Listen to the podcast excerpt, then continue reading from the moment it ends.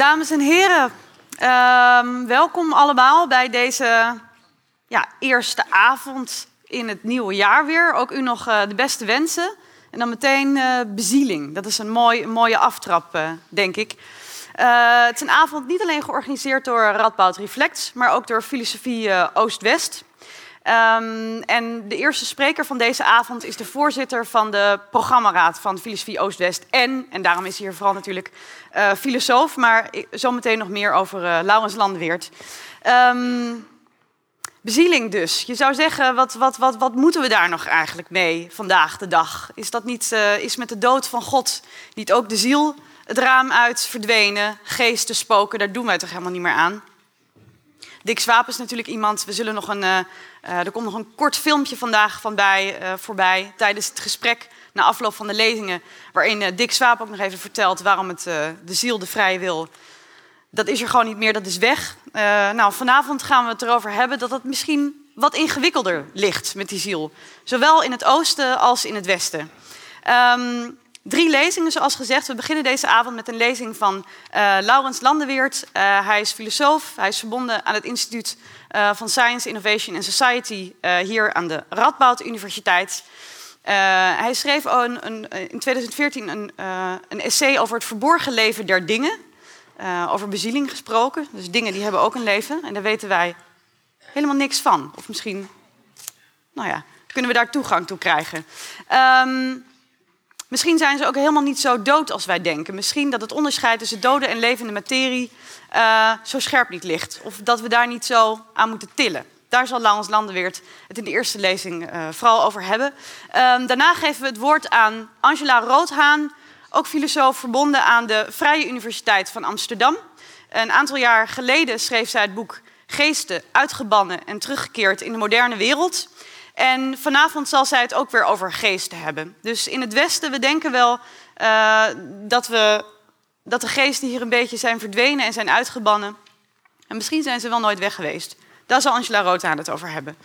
Ehm, dan tot slot hebben wij eh, Hein van Dongen, ook filosoof, uitgenodigd om aan het einde nog in te gaan op ehm, animisme. Een, ja, een specifiek soort bezieling. Het idee namelijk dat alles bezield is. Dus de ziel is, heeft niks met, per se met onstoffelijkheid te maken. God, onsterfelijkheid, allemaal niks mee te maken. Misschien heeft alles wel een ziel. Ehm, en misschien ook in het Westen. En niet alleen maar bij die gekke Japanners die denken dat hun robots eh, een leven hebben. Dus dat is het programma van vanavond. Daarna eh, gaan wij in gesprek. Ga ik met de drie sprekers in gesprek. Ik ben Lisa Doeland, programmamaker bij Radboud Reflects. Uh, en helemaal aan het einde van de avond. Uh, we eindigen trouwens rond kwart voor tien. Dus vanaf ongeveer half tien geef ik graag ook de ruimte aan u om vragen te stellen en uh, uw begeestering met de rest van de zaal en de sprekers te delen. Dus dat is het programma voor vanavond.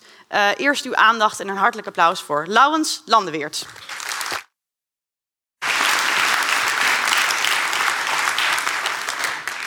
Bedankt dat u met uh, zoveel mensen hier bent gekomen. Wacht, ik organiseer hier even iets, want uh, er is al een glas Campari tonic over mijn werklaptop heen gegaan. Uh, waardoor die niet meer deed wat hij moest doen. Ik heb hem nog kunnen repareren, maar ik vermijd liever grotere problemen.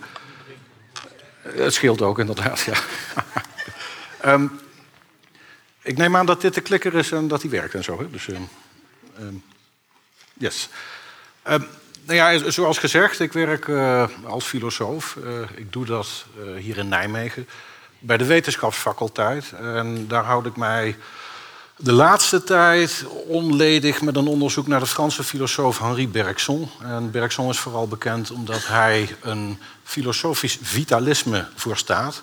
En het vitalisme in de filosofie is eigenlijk die stroming die de werkelijkheid als zodanig beschouwd, als levend uh, of als bezield. Uh, even voor de eventuele biologen onder u. Het is iets anders dan het vitalisme in de biologie. Uh, in de biologie ging men er namelijk vanuit dat, in ieder geval tot, in de, tot ver in de 19e eeuw, dat er een soort van magische levensvonk was die de levende natuur anders maakte dan de dode natuur. Uh, op 22 december kwam ik dit uh, artikeltje op de site van de NOS tegen. Misschien hebben sommigen van u het ook gezien. De overwinning voor Maori. Berg krijgt dezelfde rechten als de mens. Met daaronder, na jarenlang onderhandelen, is het zover. De oorspronkelijke Nieuw-Zeelandse volksstam, de Maori dus, krijgt medezeggenschap over de toekomst van Mount Taranaki. De berg is erg belangrijk voor de Maori en heeft een heilige status. Ze zien de berg als een soort voorouder, als een familielid waar je op moet letten en respect voor moet hebben. Zegt de correspondent Robert Portier. Um, Portier zal het wel zijn als het Nieuw-Zeeland is. Uh, maar aan dat respect schort het nogal eens. De laatste jaren komen er steeds meer toeristen naar de berg. En in mei was er nog ophef toen een Playboy-model zich er naakt liet fotograferen. Om dat tegen te gaan is er nu een akkoord gesloten tussen de Maori en de overheid van Nieuw-Zeeland. De berg wordt een rechtspersoon en krijgt dezelfde rechten als een mens. Uh, ook komt er een beheerfonds van 18 miljoen euro. Ik neem aan dat dat absoluut een rol zal hebben gespeeld in de rechtszaak. Um, maar om, om, om, duidelijk te maken wat hier op de achtergrond speelt, is het ook goed om te kijken naar op welke manier dit voor ons tot op zekere hoogte een onbegrijpelijke positie is. Uh, wij zijn namelijk al sinds de 17e eeuw in de overtuiging dat wij, tenminste niet allemaal natuurlijk, maar dat wij in een mechanistisch georganiseerd universum leven. Een universum dat georganiseerd zou zijn als het klokwerk van een eh, als mechanisme van een, van een klok, een uurwerk. Eh, de beweging van de planeten, evenzeer als uh, op microniveau uh, de werking van een molecuul, zou op die manier in elkaar zitten en op die manier uit te leggen zijn. Um, om de naïviteit van het, uh, laten we zeggen, antieke wereldbeeld en het middeleeuwse vooral uh, te verduidelijken, schreef uh, Camille Flammarion, een astronoom, die tegelijkertijd, zoals u kunt zien, zeer getalenteerd was als houtsnijkunstenaar. Dit is een, een houtsnede van hem. Een naïeve missionaris uit de middeleeuwen verhaalt, dit is dus de tekst van Flammarion zelf, dat hij op een van zijn reizen op zoek naar het aardse paradijs de horizon bereikte waar hemel en aarde elkaar raken. En dat hij een zekere plek vond waar ze niet aan elkaar vastzaten en waar hij met zijn schouders onder de overdekking van de hemelen door kon wurmen. Nou, in principe is dit nog steeds de houding die veel wetenschappers zullen hebben. Hoe kunnen wij achter de mantel van de werkelijkheid kijken om dat mechanisme te ontdekken? Uh, nou, in dat kader zijn wij Uh, steeds meer uh, het begrip ziel gaan verliezen in het westerse wereldbeeld. Uh, maar ja, om even het een en ander ook voor de volgende sprekers voor te bereiden en duidelijk te maken, zal ik eerst even iets zeggen over wat dat begrip ziel nou eigenlijk inhoudt. animisme komt uiteraard uit het Latijn, van het begrip anima, dat zowel adem als ziel betekent. Het betekent zoiets als met leven behept. en het animisme is dan ook um, de positie dat alles met leven behept is. Dus niet alleen wat wij kennen als biologisch levende structuren, maar alles. Mensen, dieren, maar ook planten. En zoals gezegd, ook bergen, ook stenen. En het valt te vergelijken met de, uh, uh, laten we zeggen, oudere term, in ieder geval een term in een, in een evenzeer antieke andere taal, psyche. wat ook zoiets betekent als met bewustzijn behept. Eh, vanuit die oud-Griekse traditie zijn er eigenlijk twee belangrijke filosofen die in het kader van vanavond uh, die we in het achterhoofd kunt houden. Uh, de een was Parmenides en de andere was Heraclitus. Um, de een had het idee dat alles stilstond, de ander had het idee dat de hele werkelijkheid een proces is. Uh, Heraklitos zei, je stapt eigenlijk nooit tweemaal in dezelfde rivier. Uiteraard omdat er ander water op dat moment doorheen stroomt. Um, en deze twee posities die zijn eigenlijk altijd in het westerse denken uh, met elkaar verknoopt gebleven, maar ook tegen elkaar in blijven gaan. Uh, je hebt aan de ene kant natura naturata, zoals um, ons eigen landsgenoot Baruch de Spinoza het formuleerde, het idee van de natuur als iets wat stilstaat, te analyseren valt en niet in beweging is. En aan de andere kant formuleerde hij het begrip natura naturans. De natuur als een levend proces dat altijd in flux is. Um, het wetenschappelijke wereldbeeld gaat heel sterk uit van uh, de eerste positie en wordt ook wel geassocieerd met substantiedenken. Het idee dat je de dingen buiten de tijd kunt denken en dat daarmee eigenlijk alles wat materie is, zelfs inclusief het leven, dood is. En zoals gezegd, het universum dus niet meer dan een klokmechanisme. Nou, aan de andere kant staat het procesdenken, het idee dat alles beweegt, pantarij. het idee van de werkelijkheid als één groot conglomeraat van verschillende convergerende en divergerende, evoluerende processen. Um, nou, dat wereldbeeld dat is natuurlijk heus niet zo eenduidig als dat ik het nou uitschets. Uh, dat mechanistische wereldbeeld dat vertrekt eigenlijk vanuit de 17e eeuw, voornamelijk met uh, de wetenschappelijke ideeën van Newton. Uh, er loopt een parallel in die tijd in de Franse filosofie, met name met René Descartes, die een dualisme voorstond. Oké, hij wilde ook wel meegaan in laten we zeggen, de, het wetenschappelijke wereldbeeld zoals het uh, aan het begin van de renaissance, maar eerder zo 17e eeuw, tot, tot wasdom kwam. Uh, maar hij wilde toch een plek gereserveerd houden voor datgene wat wij ziel noemen. En vandaar dat hij het idee had dat de werkelijkheid uit twee types substantie bestaat. Aan de ene kant res extensa, de uitgebreide materie, en aan de andere kant res cogitans, de denkende materie. Uh, wij zouden bestaan uit een soort van ja, moeilijk uit te leggen combinatie van die twee, terwijl God puur res cogitans zou zijn en de rest van de werkelijkheid, inclusief dieren, niets meer dan res extensa, uh, gedetermineerde, uitgebreide materie. Nou, in de 18e eeuw radicaliseert dat beeld en beginnen steeds meer mensen uh, erover na te denken: hebben we dit wel nodig, dat, dat res cogitans deel? Een belangrijke exponent van die stroming, materialisme in de filosofie, is uh, Jean-Michel Onfray de Lamettrie. Ehm, de Lamettrie uh, had het idee dat alles louter uit fysiochemische bestanddelen bestaat. Um, een andere belangrijke exponent is de natuurkundige die zo rond 1800 leefde, uh, Pierre-Simon de Laplace. Laplace die had het idee dat inderdaad als je elke plek van elk onderdeel in dit universum zou kennen, je in principe elke situatie in het verleden zou kunnen terugrekenen en elke situatie in de toekomst zou kunnen voorrekenen. Nou, dit is, laten we zeggen, een radicale positie waar doorheen de tijd altijd wel een soort van onderstoom van kritiek op is geweest. Maar gedurende de 20e eeuw zie je dat die kritiek wat duidelijker geformuleerd wordt. Eh, dat zit hem dan vooral in het filosofisch vitalisme, wat ik eerder noemde. Uh, ook wel in de veel recentere uh, herwaardering van het animisme. Nou, het vitalisme is dus, zoals gezegd, de positie die Henri Bergson neemt. En je ziet dat er ook in de natuurkunde langzamerhand mensen ontstaan gedurende die 20e eeuw die in hun werk uh, een bepaalde plek willen toebedelen aan dat begrip geest. Uh, een daarvan dat is Louis de Brui. Ja, je schrijft het de Broglie, maar de uh, vertaling is de Brui.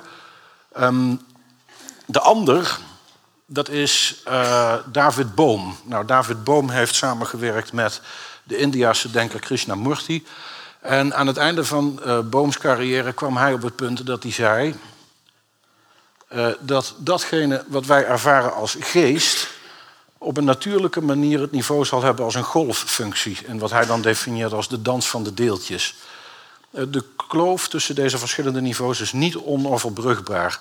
En dat betekent, in de latere theorieën van Bohm, dat in een bepaalde zin zelfs op het niveau van de deeltjesfysica een rudimentair bewustzijn bestaat, zou moeten bestaan. Nou, om die twee posities een beetje tegenover elkaar te zetten, heb ik het hier even voor uw papier gezet. Uh, het substantiedenken, wat je terug tegenkomt in het materialisme, maar ook wel in het dualisme, ziet de wereld als een verzameling van dingen. Uh, kennis zou dan eruit bestaan uit de activiteit van dit allemaal te analyseren in zijn afzonderlijke delen. Het wereldbeeld ziet de werkelijkheid als een statisch, atomistisch en mechanisch geheel. Uh, het gaat uit van oorzaak-gevolgketens en uh, de ziel, ja, die is dan louter gereserveerd voor een of ander, laten we zeggen, magisch domein dat dan met de mens te maken zou hebben, of zelfs non-existent zijn. Uh, zoals in het geval van Lametrie. Uh, procesdenken staat daar tegenover. Daar kom je dus onder andere in dat vitalisme, maar zeker dus ook in het animisme tegen. ziet de wereld als een proces dat evolueert door de tijd. Uh, het ziet die processen in termen van convergentie, hè, dus samenkomen, en divergentie, het uiteenwaaieren weer van dit soort structuren. Dynamisch, relationeel, organisch. Het zoekt naar hoe bepaalde zaken als vanzelf emergeren. In die zin zou je de evolutietheorie zelf al als een animistische of vitalistische theorie kunnen zien. En het ziet het bezielde, of de ziel, als een integraal deel van al deze processen. Nou, in de 21ste eeuw is dat begrip ziel, na, laten we zeggen, een tijdje een noodlijdend bestaan te hebben geleid, steeds meer in opkomst gekomen. Um, je ziet dat zelfs in het nadenken over wat technische systemen zijn. Uh, wij zijn gaan nadenken over wat de evolutietheorie nou in specifiek inhoudt. En we hebben gezien dat wij in de ontwikkeling van onze technische systemen in zekere zin onderdeel maken van evolutie, in plaats van daarbuiten te staan. Een zogeheten techno-evolutie. Uh, tegelijkertijd zie je in de vakgebieden die zich daarmee bezighouden, zoals synthetische biologie, systeembiologie, biotechnologie, uh, recent opgekomen technieken zoals CRISPR-Cas, dat daar nog steeds wel een behoorlijk mechanistische filosofie vaak aan onder ligt. Dus het idee dat je het leven eigenlijk zou kunnen verklaren door het te reduceren tot de onderdelen die dat leven uitmaken. En nou, niet alleen mijn idee, maar het idee van een aantal denkers binnen de biologie zelf ook is dat niet afdoende. Um, ik was een aantal maanden geleden bij een symposium in Kerkrade... Uh, waarbij gekeken werd naar um, de ervaring die veel astronauten hebben... Uh, als zij voor de eerste keer de aarde van buitenaf zien. Uh, dit deze ervaring wordt ook wel het overview-effect genoemd. Uh, Wubbo Ockels, maar een heleboel andere astronauten... hebben dat als een mystieke ervaring ervaren als iets wat een enorme impact op hun leven had. En daarmee hadden ze ook een totaal andere optiek op wat die planeet was. De planeet zelf als een levend systeem, als een organisme, eerder dan een dode bol die zomaar door de ruimte zou zweven. Uh, het was daarom dat Wubbo Wokkels op zijn sterfbed ook aandrong tot actie. Omdat, zoals uh, uh, de alumnus van de Radboud Universiteit hier, Kuipers, onze meest recente astronaut, vanuit de ruimte ziet dat die planeet ziek is. En daar moeten wij iets aan doen. Um, nou ja, ik hoop dat u met de komende sprekers iets meer inzicht krijgt in wat animisme nou precies betekent en in hoeverre het een serieuze, niet alleen filosofische, maar ook buitenfilosofische positie kan zijn. En ja, wat dat dan betreft uh, geef ik graag het woord aan de volgende spreker. Angela.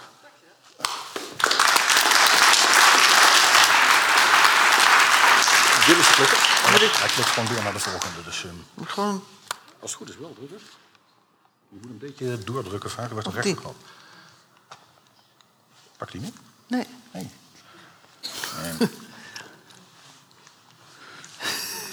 Ja, is dit hem? Nee. Oh. Oké. Okay. Nou, ik hoop dat me dat gaat lukken hoor. Ja. Ja. Ja, je moet met je nagel op die rechter drukken, anders dan pakt hij niet goed tussen. Nou, dankjewel. Goed. Ik zit in hetzelfde stramien. Ik heb ook een, een beetje een historisch verhaal. En ik zal ook teruggaan in de uh, geschiedenis van het westerse denken. Maar ik ga net weer iets andere highlights geven dan de vorige spreker heeft gedaan.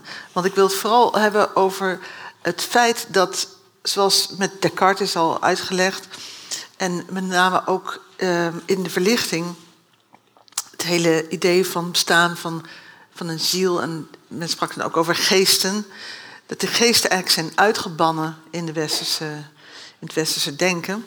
Wat dat betekent voor ons denken over vrijheid en verantwoordelijkheid. Um, Kant, die, um, die uh, vooral uh, in, zijn, in zijn kennistheorie de vraag stelde van wat is nou geldige kennis? En die ging daarbij vooral uit van de beschrijving van de moderne wetenschap. En de moderne wetenschap die ging in zijn ogen uit van een volmaakte causaliteit. Alles heeft een oorzaak en een gevolg. We zitten in een keten van causaliteit. En in principe is dan alles te verklaren. Maar als je nou um, iemand uh, voor een rechtbank zet die een misdaad heeft gepleegd, dan wil je eigenlijk niet ervan uitgaan dat die misdadiger er niks aan heeft kunnen doen. Dat alles gewoon gedetermineerd was. Dan wil je toch uitgaan van het idee van vrijheid. En we zien dat nu nog, soms op tv zie je een stukje uit een, rechtszaak waarbij iemand veroordeeld wordt. En dan zegt zo'n rechter, en die vaak dan ook zeker begrip heeft voor moeilijke omstandigheden waarin die persoon heeft verkeerd, die misdadiger. En uh, dat hij, uh, weet ik wat, drugs heeft gebruikt of psychische problemen heeft en zich niet kon uh, beheersen. Maar die zegt dan op een gegeven moment, u had zich moeten realiseren dat u uw slachtoffer onnodig heeft laten lijden. En dat u had zich moeten realiseren, dat spreekt het idee van de vrijheid aan. En Kant die dacht, vrijheid kan ik niet bewijzen in de werkelijkheid, want dat kan de wetenschap niet bewijzen. een ziel ook niet. Maar laten we dan alleen nog maar het idee van de vrijheid overhouden. Dat was wat Kant zei. En ik wil eigenlijk laten zien hoe het gekomen is dat hij dat moest beweren. En uh, ik moet weer eventjes leren klikken. Nou, volgens mij moet ik een, een klikassistent erbij hebben. Kijk, werkt die wel? Kijken. Ja. Kijk. Ja. Dus um, zoals um, Lisa al heeft aangekondigd, in 2011 heb ik een boek gepubliceerd. Dat heeft de titel Geesten, daar wordt het ook allemaal in behandeld. En uh, daarna heb ik een heleboel lezingen over het onderwerp gegeven. En elke keer werd me gevraagd, gelooft u nou zelf in geesten? En de vraag is eigenlijk altijd een ontologische vraag. Hè? Dus de vraag, bestaan ze? En ook een kentheoretische vraag van, hoe kunt u dat dan weten? Hoe kunnen we dat dan weten? Nou, mijn antwoord was eigenlijk altijd van, ja, misschien is dat wel niet de belangrijkste vraag. Want het is eigenlijk inderdaad niet te bewijzen op een wetenschappelijke manier dat er zoiets als een ziel bestaat, dat er geesten bestaan. Uh, en ook niet hoe we daar dan kennis van zouden kunnen hebben.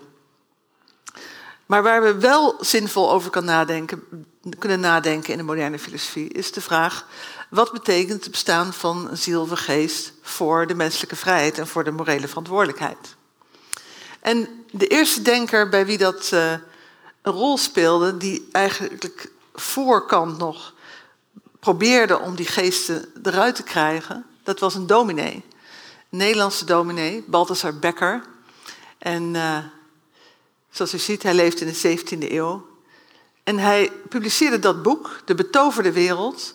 En in dat boek probeerde hij te laten zien dat het geloof in geesten en dat alles bezield was, wat toen blijkbaar ook onder de Nederlandse protestantse bevolking nog een heel gewoon idee was. Hij probeerde te laten zien dat dat onzin was en dat we daarmee moesten ophouden. Balthasar Becker, dat is interessant, dat boek, dat, nadat het verscheen, waren er binnen drie maanden waren er een paar duizend exemplaren van verkocht. En dat moet je nagaan, in die tijd. Hè, dus toen er nog helemaal niet zoveel boeken werden verkocht. Dus dat een bestseller. Hij raakte in de problemen, want de leiding van de gereformeerde kerk die vond dat maar niks. Je zou misschien denken, maar protestanten zijn toch heel verlichte mensen, die willen helemaal niet dat mensen in geesten geloven en zo. Nou, het probleem was, als ze ophielden met in geesten te geloven, dan zouden ze ook nog eens een keer kunnen ophouden met in de duivel te geloven. En als je niet meer over de duivel kan spreken in de kerk, dan worden de mensen minder bang om zonde te begaan en dan zitten we met een probleem. Maar dat was nou net het punt van uh, Becker. Die wilde juist dat mensen meer hun eigen morele verantwoordelijkheid gingen nemen. En daarmee heeft hij iets voorzien wat ook zo gegaan is. Want nu, als wij nu vinden dat we iets verkeerd hebben gedaan, dan zien we dat als onze eigen verantwoordelijkheid. En in die tijd was het dus nog heel gewoon om te zeggen van, ik heb mijn buurman doodgeslagen, maar ja, helaas, ik was helemaal in razernij. Ik werd bezeten door een kwade geest en ik kon er dus niets aan doen. Dus dit soort gedachten, die wij nu vaak denken van nou dat gebeurt ergens in exotische landen, hè, waar ze allemaal nog in geesten geloven, waar wij in Europa zijn nooit zo geweest. Nou, nog maar vrij kort geleden was dat heel normaal om zo te denken.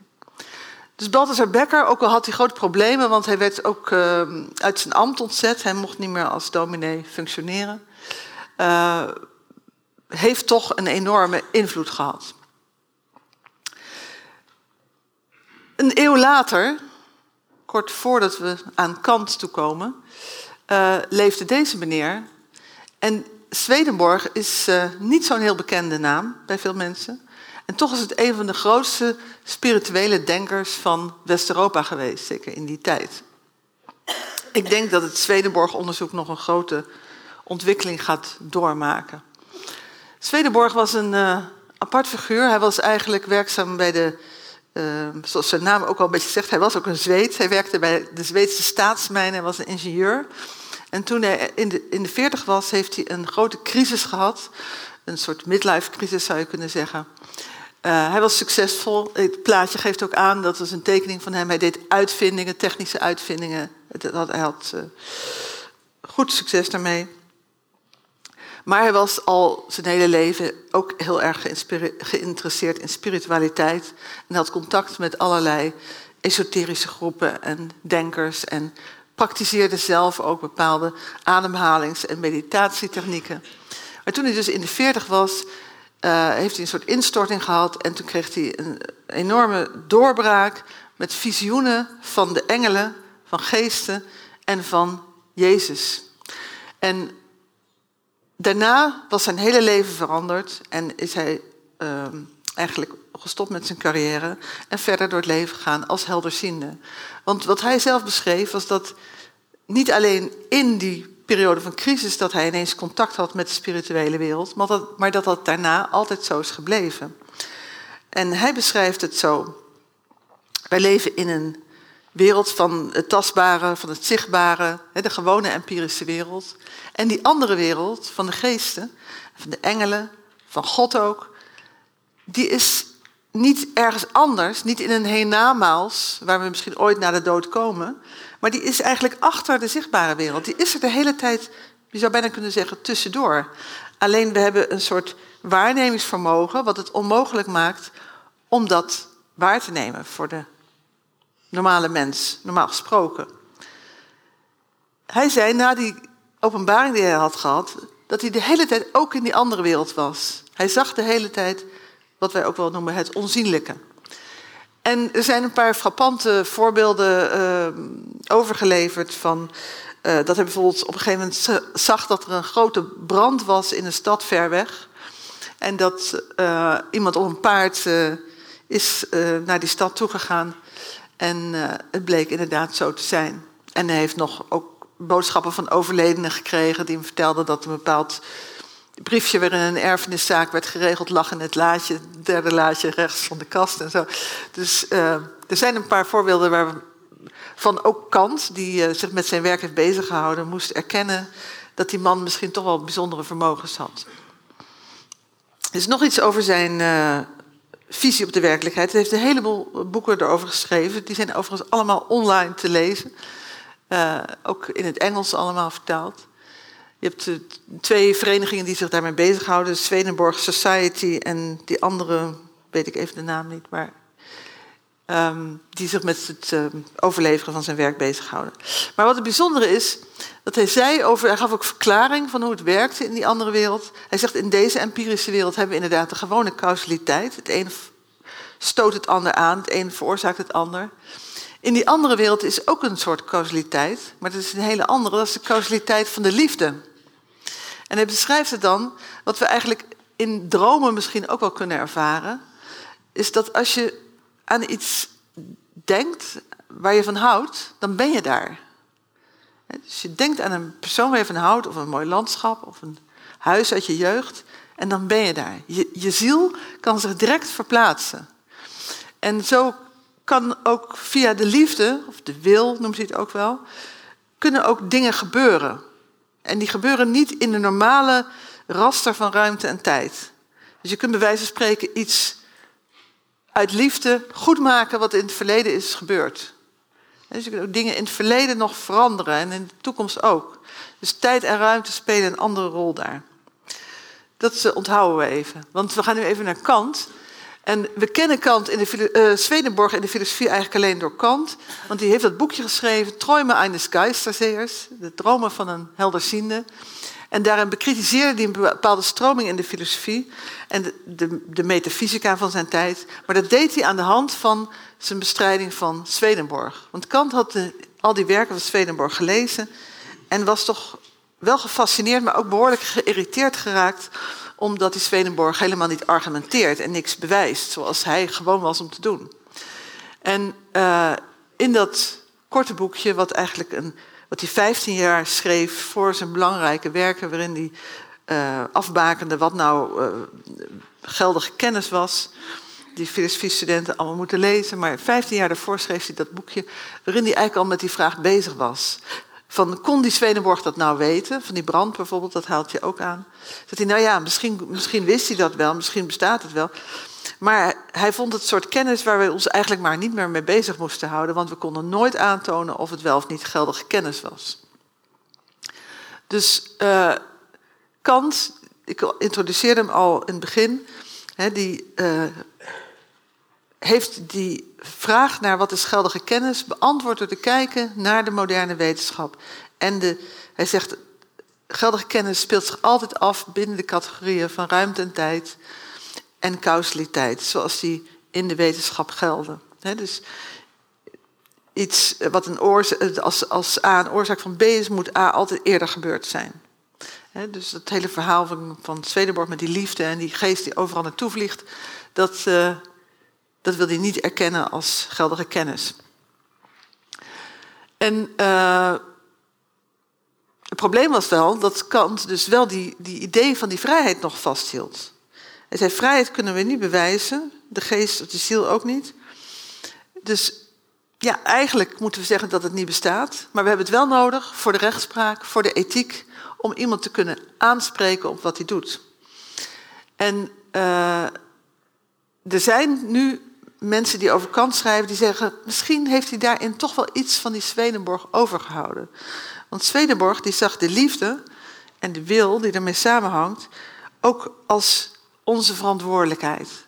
Dus voor Swedenborg was het goede doen, was ook goed liefhebben. En als je gaat afvragen, wat is nou eigenlijk moraliteit?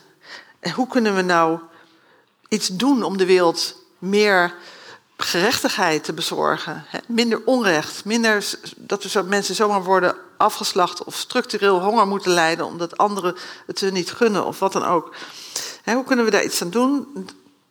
Dan zou je toch kunnen afvragen, ja, misschien moet er toch zoiets van liefde, een soort besef van, van hoe, hoe we goed moeten zijn voor anderen. Nou, dat idee van dat we een ziel hebben die kan lief hebben, die goed kan zijn, is in de hele moderne filosofie een probleem gebleven, omdat men zich vasthield aan dat kader van die moderne wetenschap. Tot in de 21ste eeuw dan zie je dat bij allerlei mensen weer terugkomen. En de filosoof die mij daarin het meest heeft geraakt en geïnspireerd is Jacques Derrida, die uh, elf jaar geleden nu is overleden. Twaalf jaar geleden. Oh, de tijd gaat harder dan ik denk. Het staat 14 jaar alweer. Ja, goed. Uh, dat boek wat daar staat afgebeeld, De Spoken van Marx. Nou, het is een heel complex boek. Het gaat ook over economie en politiek enzovoort. Daar zal ik het nu niet over hebben. Maar daarin uh, probeert hij het begrip van de geesten. En hij hangt dat met name op aan het verhaal uit Hamlet. De prins wiens vader gestorven is. En Hamlet die komt dan te weten dat de vader niet zomaar gestorven is, maar vermoord is, omdat de geest van zijn vader aan hem verschijnt en dat vertelt. En dat is een soort kennis die je niet kan hebben. Hoe kun je nou aan anderen vertellen, ja, mijn vader is vermoord, want hij heeft me verteld, want hij is als geest teruggekeerd. Iedereen zegt dat je gek bent. Nou, in dat toneelstuk Hamlet van Shakespeare hè, wordt het helemaal uitgewerkt. Ehm, ook rond de vraag of uh, Hamlet dan moet gelden als gek of niet. Hè? En uiteindelijk vraagt hij ook to be or, not to be. That's the question. Hè? De hele wereld komt aan schuiven als je aangesproken wordt door een geest die jou zegt, je hebt een bepaalde verantwoordelijkheid, want de werkelijkheid, iedereen is tevreden, maar hij is niet zoals hij is, want er zit ongerechtigheid in. dat is het, het drama van Hamlet volgens Derrida, zoals hij dat uitlegt. En Derrida gebruikt als voorbeeld om te zeggen dat altijd wanneer wij geraakt worden door ongerechtigheid, wij een beetje in de positie van Hamlet staan. Want de gemiddelde wereld is eigenlijk tevreden met hoe het is. Hè? Als je, zeker als je in de groep zit van, van de haves en niet van de haves not. Zoals wij hier, we hebben het goed. Alles loopt, alles draait. We hebben stroom, we hebben wifi. We kunnen naar het ziekenhuis als we een probleem hebben als wij ineens geraakt worden en niet zomaar denken van, nou ja, ach, we moeten toch nog een beetje een goed mens zijn, af en toe een girootje overschrijven, dat je echt geraakt wordt, het leed van de ander, dan word je een beetje gek. Dan sta je ineens buiten dat systeem. En Derrida zegt dat betekent eigenlijk op een bepaalde metaforische manier ook dat je wordt aangesproken door een geest.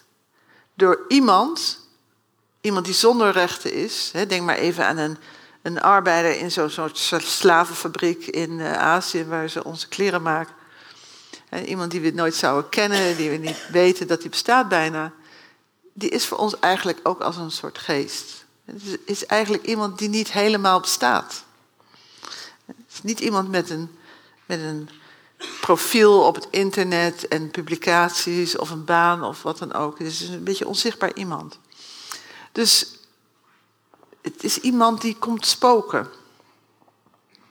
Dus Derrida probeert op die manier te laten zien dat het, de vraag naar het bestaan van geesten, hè, waarvan we altijd zeggen, ja, bestaan ze wel, kunnen we het wel aantonen, dat dat een morele vraag is.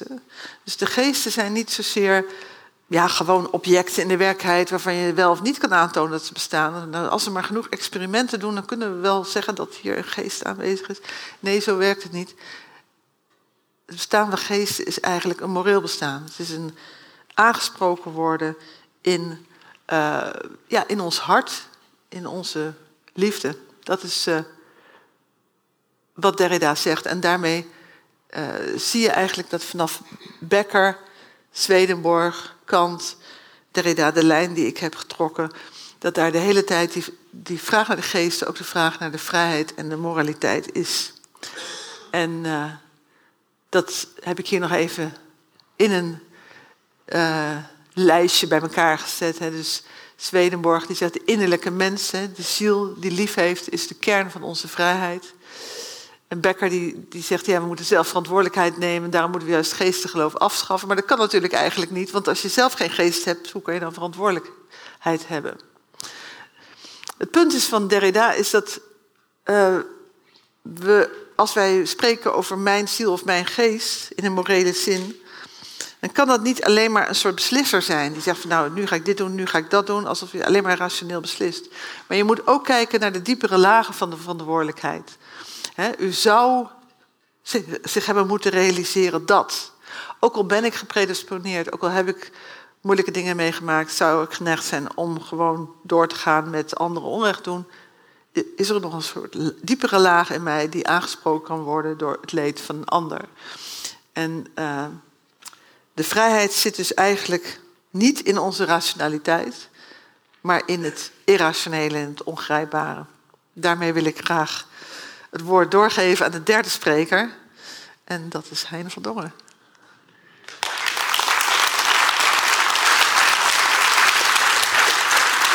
Dankjewel. Ja. Zo. Dit beestje heb ik niet nodig. Nou, zo. Uh, ik uh, praat aan de hand van uh, een papiertje, op de ouderwetse manier. Dus er is, denk ik, dat betreft ook geen beeld meer nodig. ja, ik, ik wil beginnen met het woord bezieling, wat al een paar keer gevallen is. Ik denk dat het voor een hele hoop mensen misschien een vaag woord is waarbij je je schouders zou kunnen ophalen. Aan de andere kant, als je ergens bent en je gaat ergens naartoe, bijvoorbeeld naar een naar een avond als deze.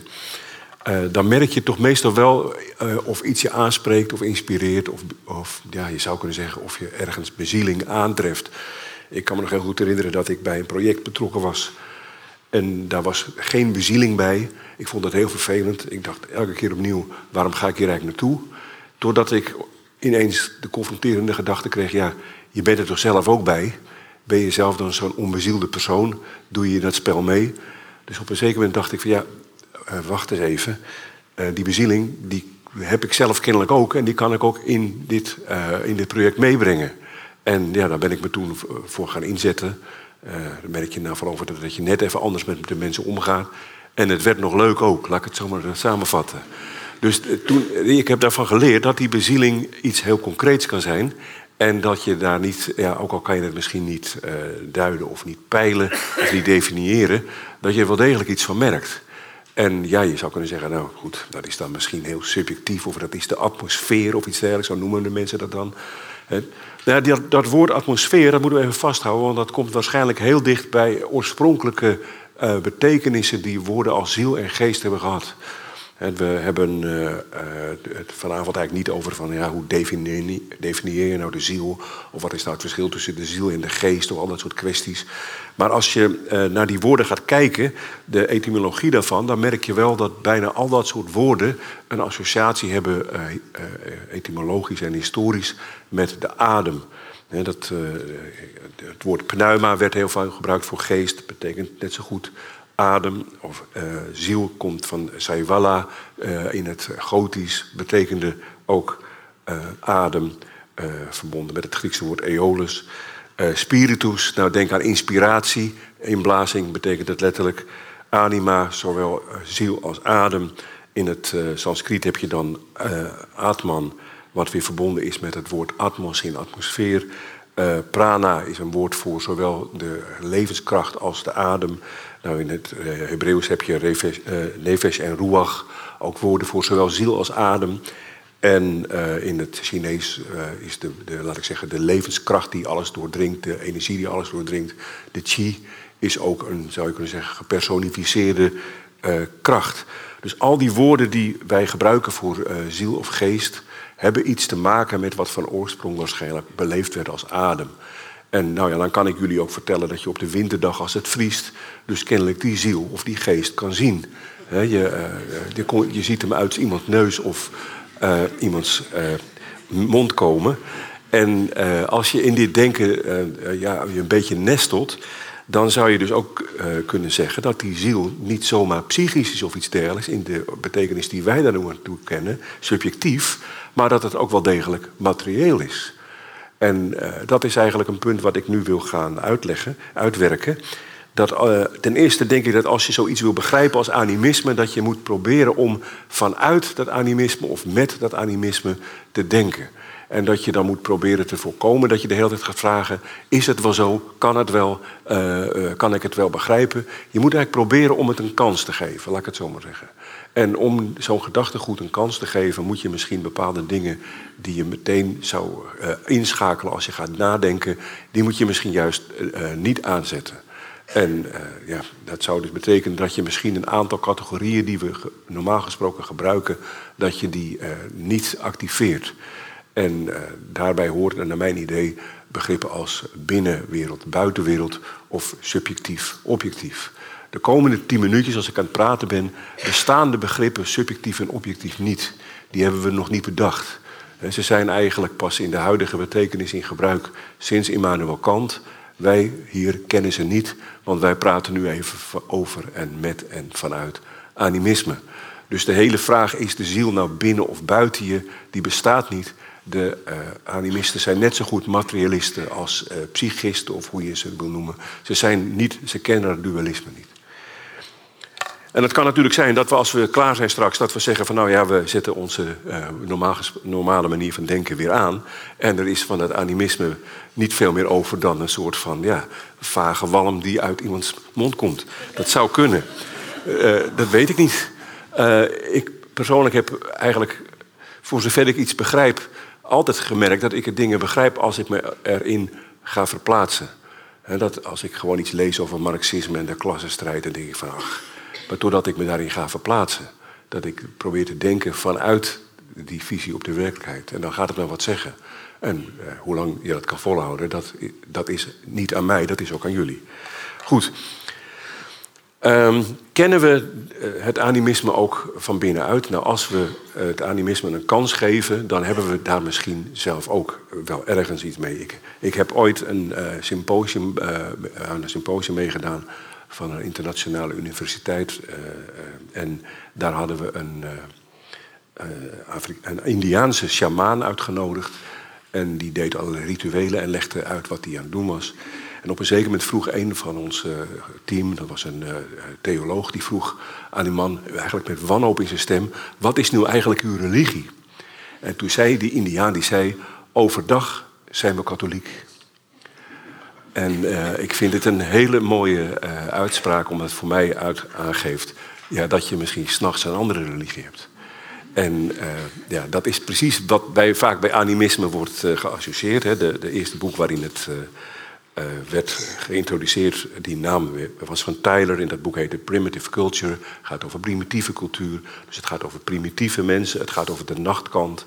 Het gaat over misschien de belevingswereld van kinderen. De belevingswereld van vreemde en verre volkeren. En misschien zelfs van mensen waar mentaal wat mee aan de hand is.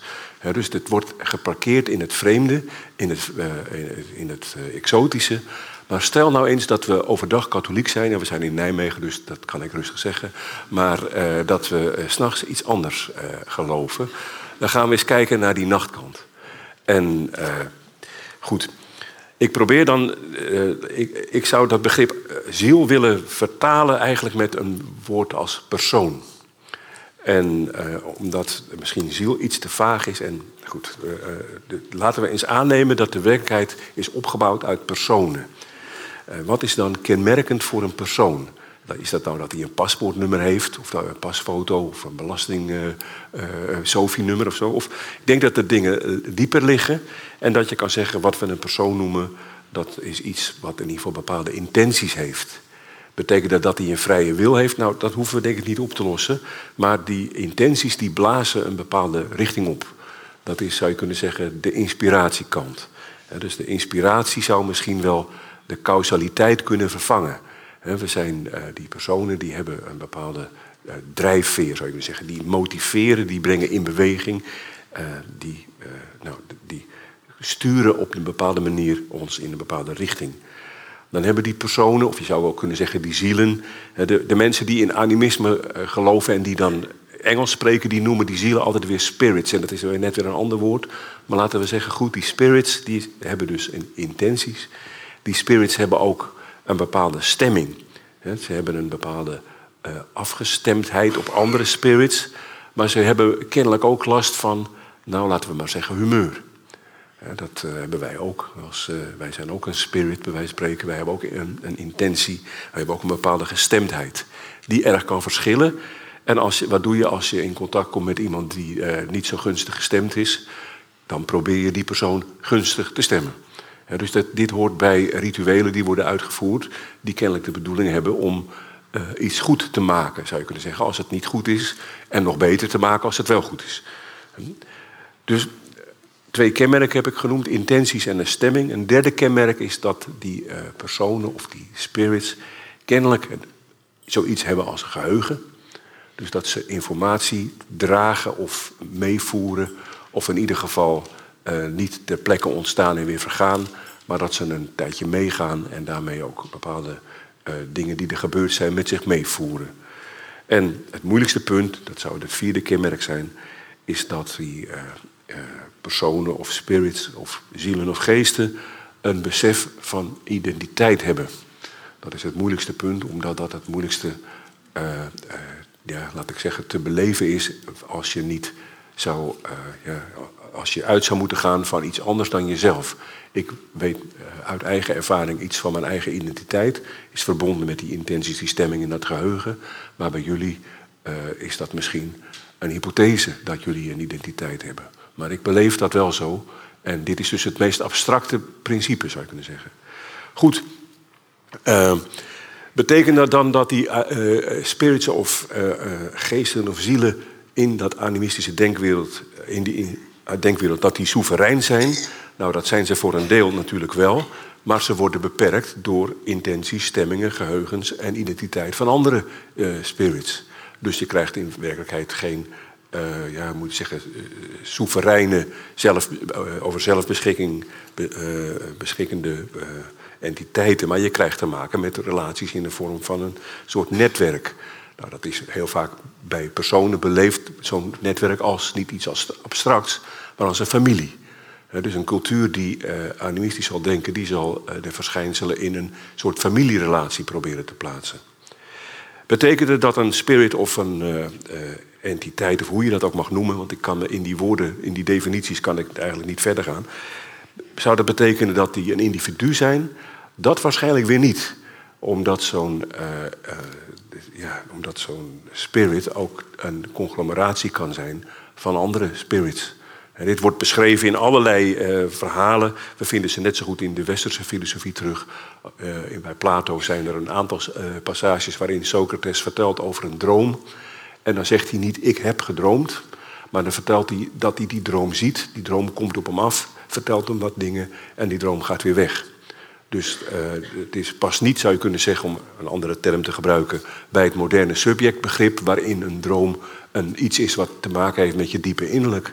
Een droom uh, is een uh, entiteit of spirit, of hoe je dat noemen wil, en is zijn eigen innerlijk. Dus het hele idee van een soort innerlijk toneel waarin de wereld gerepresenteerd wordt, dat past niet bij dat animisme. Goed, wat is dan de manier van uh, de, relatie die er ontstaat tussen verschillende dingen in de werkelijkheid? Is dat causaliteit of is dat iets anders? Nou ja, ik denk dat je dat begrip, abstracte begrip van causaliteit hier niet kan gebruiken. En dat de relaties tussen die uh, ja, spirits bestaat uit communicatie. Dat ze op de een of andere manier met elkaar in gesprek moeten gaan en voortdurend zijn. En dat je je in dat gesprek kan mengen. En uh, ik denk dat als we een soort dwarsdoorsnede maken, dat je heel goed kan zien dat deze beschrijving van die, die heel erg misschien fantastisch of primitief kan klinken, dat die heel goed geschikt is om de menselijke werkelijkheid te beschrijven. Want wij zijn uiteindelijk uh, voortdurend met elkaar in communicatie. We hebben intenties, we hebben een stemming, we hebben een geheugen, we hebben een gevoel voor identiteit. Dus het, het, eh, is dit nou hocus pocus of bovennatuurlijk? Of is het gewoon een manier om de werkelijkheid te beschrijven die voor ons ongewoon is, maar die wel degelijk bruikbaar is. Nou, ik denk dat laatste. Dus de relatie tussen verschijnselen, zou je kunnen zeggen, is uh, communicatie. Ja, hoe moet je dan vervolgens die communicatie zien? Wij communiceren in taal, of sommige mensen hebben het over non-verbale communicatie, maar dat vatten we op als een verzameling tekens die we kunnen decoderen. Eigenlijk is ons hele denken over communicatie voortdurend aan het veranderen en de laatste decennia heel erg instrumenteel geworden. Dat als iemand aan mij vraagt, ben je bereikbaar? Dan bedoelen ze niet van, ja, heb je een ingang voor wat ik vertel? Maar dan bedoelen ze gewoon, staat je mobieltje aan? Dus wij vatten uh, communiceren op als het verzenden van een boodschap. De, ik heb nog ooit communicatie gestudeerd ergens in een bepaald blok. Dan krijg je uh, uh, spreker S zendt boodschap B via medium M naar hoorder H. En die moet het dan decoderen en dat leidt dan tot B-accent. Dat is de reconstructie van de boodschap. Bla bla bla. Jullie hebben dit soort verhalen waarschijnlijk wel eens gehoord. Levende communicatie gaat natuurlijk anders ook voor animisten. Waarom? Omdat de woorden die ik gebruik zijn namelijk ook spirits. Eh, dus jullie hebben er al een aantal gehoord. Mijn verhaal hier, uh, wat ik breng, dat is een bepaald soort verhaal dat een eigen karakter heeft. En uh, ik moet zo, ja, ik heb natuurlijk nog de nodige rituelen uitgevoerd, dat snappen jullie wel, om mijn verhaal gunstig te stemmen. Omdat stel dat het verhaal zich tegen mij gaat keren. Dat zou vreselijk zijn natuurlijk. Dus ik moet het een en ander doen. Dat verhaal heeft ook eigen intenties. Dat wil verteld worden. Nou uh, misschien kennen jullie de, de uitspraak van Carl Gustav Jung. Die zegt van ja, niet uh, Goethe heeft Faust geschreven, maar Faust heeft Goethe geschreven. Ik denk dat dat waar is.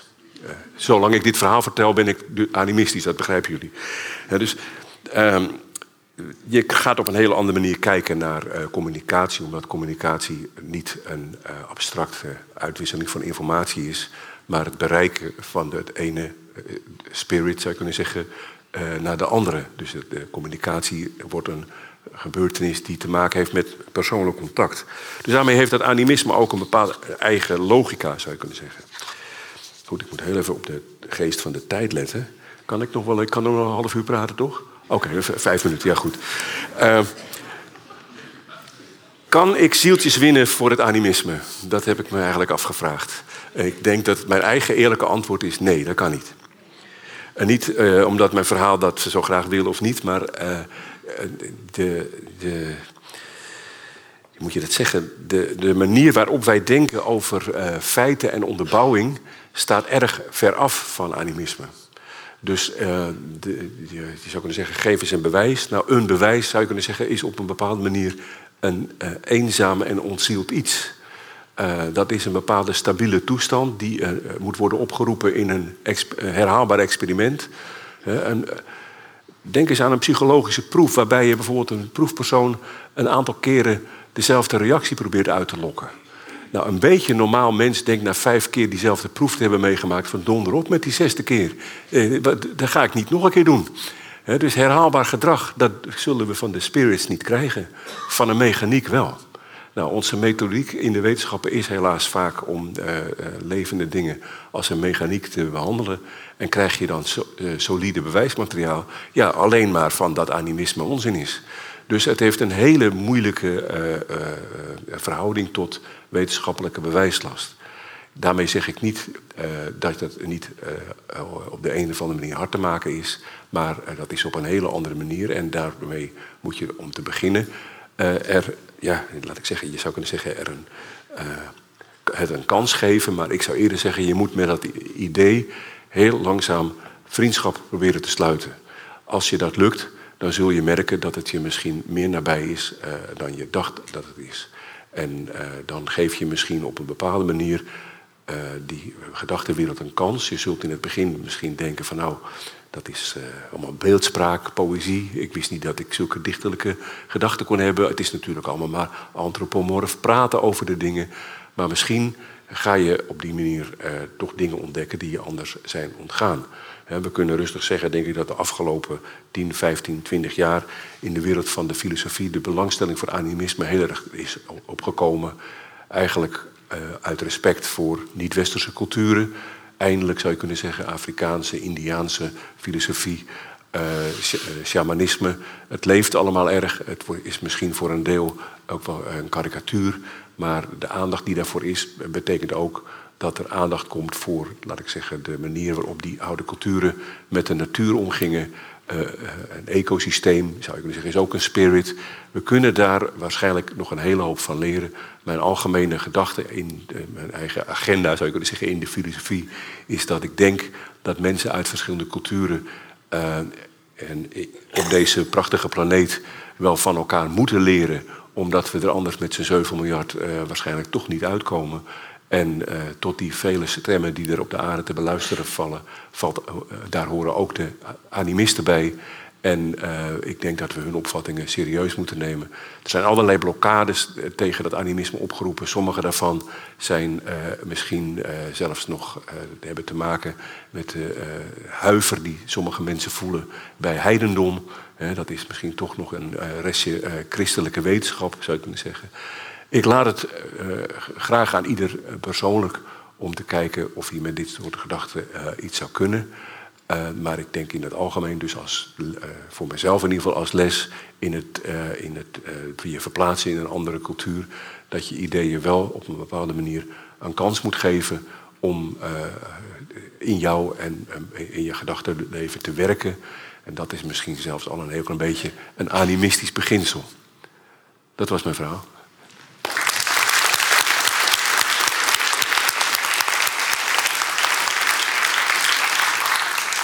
Nou, laten we erbij gaan zitten. Ik, uh, ik pak de klikker.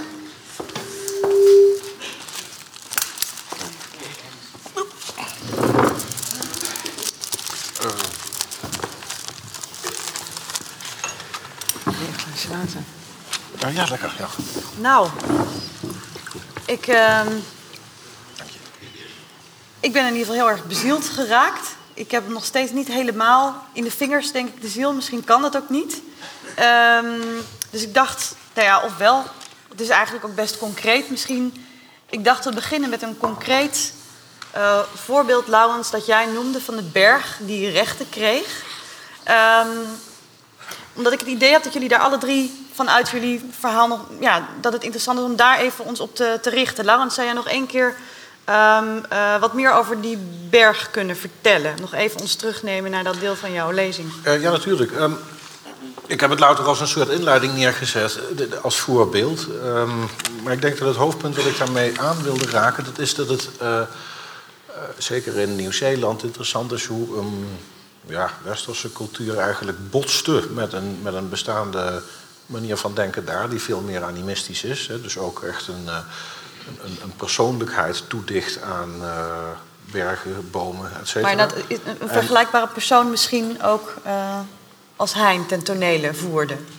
Sorry? Een, een, vergelijkbare persoon? Ja, ja nou, ik denk dat het net weer wat anders ligt. Kijk, wij zijn er natuurlijk heel sterk aan gewend om zoiets als een berg te zien als dode materie... en tegelijkertijd onszelf te beschouwen als handel, handelscapabele personen. Um, ik denk dat je die berg op die manier niet moet zien. Um, he, dat, er staat ook specifiek rechtspersoon. Nou, ik weet dat uh, de Radboud Universiteit... Uh, heeft ook een rechtspersoon en die heet Stichting Katholieke Universiteit. Nou, eh, we kunnen niet dineren met de Stichting Katholieke Universiteit. We kunnen er wel post naartoe sturen. Maar, dus, dus dat begrip rechtspersoon is op zich al een heel interessant begrip. omdat we het wel als normaal begrip hanteren in onze juridische systemen en daarmee in ieder geval voor die situatie in Nieuw-Zeeland een soort brug heeft kunnen slaan tussen twee wereldbeelden die elkaar normaal gesproken relatief uitsluiten. Ja. dus daarom had ik dat voorbeeld genomen. Uh, nou, gaat het natuurlijk in het animisme uh, ietsje verder dan alleen maar deze pragmatische brug. En ja, voor mij was het een mooie aanleiding, omdat je daarmee kunt zien dat het soms ook gewoon nodig is om dit soort compromissen te sluiten. Maar het, het, het, uh, voor ons is het een stuk moeilijker om het idee te omarmen dat wij inderdaad in een werkelijkheid leven waar alles bezield is. Daarvoor moeten we denk ik nog een stap maken. En dat is een, ja, een stap die meer van metafysische aard is. Dus, dus het verlaten van die uh, denkkaders uh, die hij aan het begin van zijn spreken ook aanhaalde. Uh, onder andere de scheiding tussen subject en object. het het veel pragmatischer beschouwen van onze neiging uh, vanuit wetenschappen om dingen te verklaren in termen van oorzaak en gevolg. He, zodra je de oorzaak kent, dan weet je wat het gevolg gaat zijn en daarmee zou je iets verklaard hebben. Ja. Uh, daar ben ik dus wat, wat sceptischer in. Ja, natuurlijk, dat geldt in een heleboel opzichten, maar daarmee heb je lang niet alle aspecten van wat er om ons heen gebeurt uh, gevangen. Ja. Nou ja, dus het recht hè, speelt een rol, of de, nou ja, de, de berg inderdaad als rechtspersoon, maar daarmee doet het recht op een bepaalde manier ook zijn intrede. Um, Angela, hoe, zou jij dat ik kunnen... heb een ander verhaal over een berg. Je hebt nog een ander verhaal, nou dat wil ik dan graag ja. eerst horen. en uh, misschien, uh, de, daarbij knoop ik ook weer een beetje aan bij, bij de insteek van mijn uh, verhaal. Want wat ik steeds probeer te doen is om juist niet zo erg een contrast te creëren met andere culturen of oude culturen, alsof zij allemaal animistisch zijn en wij niet. En jij zegt ook denkend vanuit de wetenschap. Maar ja, de wetenschap ja, ja, precies, is ook maar een deeltje van Absoluut, onze cultuur. Hè? Dat is waar wij hier toevallig in de universiteit allemaal bezig zijn. Maar dat wil niet zeggen dat we allemaal zo wetenschappelijk zijn de hele tijd. Ik ben jarenlang uh, elk jaar op vakantie geweest uh, bij een tante van mij die in het Sauerland woonde. Hè? Prachtige streek, veel Nederlanders gaan er wel eens op vakantie. Allemaal bergen. En uh, deze tante die woonde daar, die was ook geboren. Dus het landschap was voor die familie ja, een deel van hun bestaan. Dus ze had ook een huis waar je dan de zitkamer op de eerste verdieping, zodat je over de berg kon uitkijken. Op een gegeven moment, na zoveel jaar, kom ik daar weer een keer in de zomer, kijk uit het raam en ik zie ineens dat een van de bergen waar we altijd op uitkeken, was weg. Er was gewoon een berg weg. En dit was zo'n chockerende ervaring. Je denkt, een berg, die is er altijd. Dus de berg ja. heeft ook een betekenis voor ons allemaal. Als stabiliteit, vertrouwen dat de wereld zo blijft als die is, enzovoort. Uitzichtspunt, oriëntatiepunt. Op kunnen klimmen, uitkijken. Wat de berg allemaal niet voor ons betekent. Hè. Nee, je had een heeft verhouding met die berg. Ja. ja. En de berg is ineens weg. Dus ik vraag mijn tante van, de berg is weg. Wat, nou, wat is er gebeurd? En zei, ja, het is een vreselijk verhaal. Het is een deel van de familie, notabene. Een achternicht van haar of zo. Die had de, de berg geërfd van overleden ouders. Want het was een privéberg. en uh, deze mensen hadden ineens besloten dat ze rijk wilden zijn. En in die berg zat iets wat opgegraven kon worden. En ze hebben gewoon de hele berg laten afgraven. Ja. En ja, dan hadden ze geld om auto's te kopen. En ja, dat is gewoon niet te vergelijken. Geld wat je kan uitgeven, wat daarna ook eigenlijk weg is. Ja en een berg. Dus in die zin denk ik dat dat animisme, dat wil ik een beetje laten zien, is ook overal om ons heen. Mm-hmm. He, misschien we hebben in Nederland dan nog geen bergen, maar ja. we hebben wel de zee. Ja, Sint-Petersburg ja. is er ook ja. niet meer in dat we, we, we, hebben de, we hebben de zee, we hebben de lucht, we hebben ja, andere dingen waar wij ja, je bedoelt dus te zeggen, een, bepaalde, een levende relatie mee een hebben. Een levende relatie, een relationaliteit, die, die, die, die hebben wij ook. Dus die bezieling ervaren wij ook. Ja, ja. voortdurend. ja. Hoe heb jij als animist naar dat verhaal geluisterd? Of misschien beide nou, verhalen. Hoe doe je dat vanuit het animisme? Uh, kijk, ik ben overdag niet katholiek. Nee. Uh, en uh, ik ben, naar mijn idee, zoals bijna iedereen... in een deel van mijn voorstellingswereld animistisch. En de, de, het is alleen dat als ik naar op mijn eigen manier realistisch ga denken, dat ik denk dat mijn gevoel voor realiteit dat animisme als het ware naar de periferie duwt. Dus in die zin zeg ik dat ik moet proberen om dat proces te voorkomen, omdat ik eh, van, dat, van die nachtkant ook wat, wat wil begrijpen. En eh, als ik gewoon kijk naar hoe ik persoonlijk probeer eh, te filosoferen, dan ik, geloof ik niet in eh, absolute uitgangspunten of fundamenten of iets dergelijks. Ik, ik geloof dat je conditioneel denkt. Dus op het moment dat je, als het ware, me- iets ergens in terecht komt. Ik moet even inderdaad het water. Dan, dan, dan, dan geef je een gedachte een kans. En als je die kans eh, onthoudt aan die gedachtenwereld, dan blijft er heel erg weinig over. Dus dat bedoel ik met, eh, je, met het animisme meedenken. Ja. Maar zouden ze dat hebben gedaan daar in, eh, in Nieuw-Zeeland? Zouden ze op een bepaalde manier met het animisme mee hebben gedacht? Eh, of hebben ze gewoon gedacht, dan zijn we er vanaf. Eh we maken van die berg een rechtspersoon. Ehm, Ik denk, ja, misschien is er een bepaald soort gevoel van om die mensen gunstig te stemmen en om om rottigheid te voorkomen. dan gaan we dat maar doen. Dat is een praktische oplossing. Het zou kunnen. Maar goed, en misschien Eh, is je de hoopt dat er iets diep. Ja, is ja, dat, ja, van ja. een soort. Je hoopt dat er een werkelijke affiniteit achter zit met die, eh, met die mensen. Ja, Dat hoop ik van harte. Ja. ja. Er zijn trouwens meerdere voorbeelden. Hè? Er zijn ook al diverse rivieren die eh, erkend zijn als rechtspersoon eh, Ja. de laatste jaren. Ja. Ja. ja. Dus, Ik, eh, ik had jullie gevraagd om, om, om eh, voor dit gesprek ook alle drie nog in een, een filmpje of een foto iets mee te nemen. Ehm, dat hebben jullie gedaan. Ehm, en dan gaan we, ja, wordt het tijd voor eh, het eerste filmpje. Ik zit even te denken welke volgorde dat ik dacht. Ja. Eh, Laurens, eh, ja, wat wil je zeggen over jouw fragment uit een film? Wil je er iets over zeggen voordat ik het aanzet of gaan we er gewoon naartoe? Nee, ik kan er wel wat tevoren over zeggen hoor. Het is een fragment uit de film Alice van de Tsjechische stop-motion filmmaker Jan Svankmajer. En, nou, Svankmajer is nu 6 of 87. Eh, deze film heeft hij gemaakt in 1987. Het is een hele lange stop-motion film die het verhaal van Alice in Wonderland verbeeldt. En dan had ik eigenlijk ehm, een aantal redenen om, om precies dit fragment te kiezen. En een paar waren eigenlijk een beetje intuïtief daarvan. Maar gaandeweg de avond kom ik erachter waarom ik dit nou specifiek koos.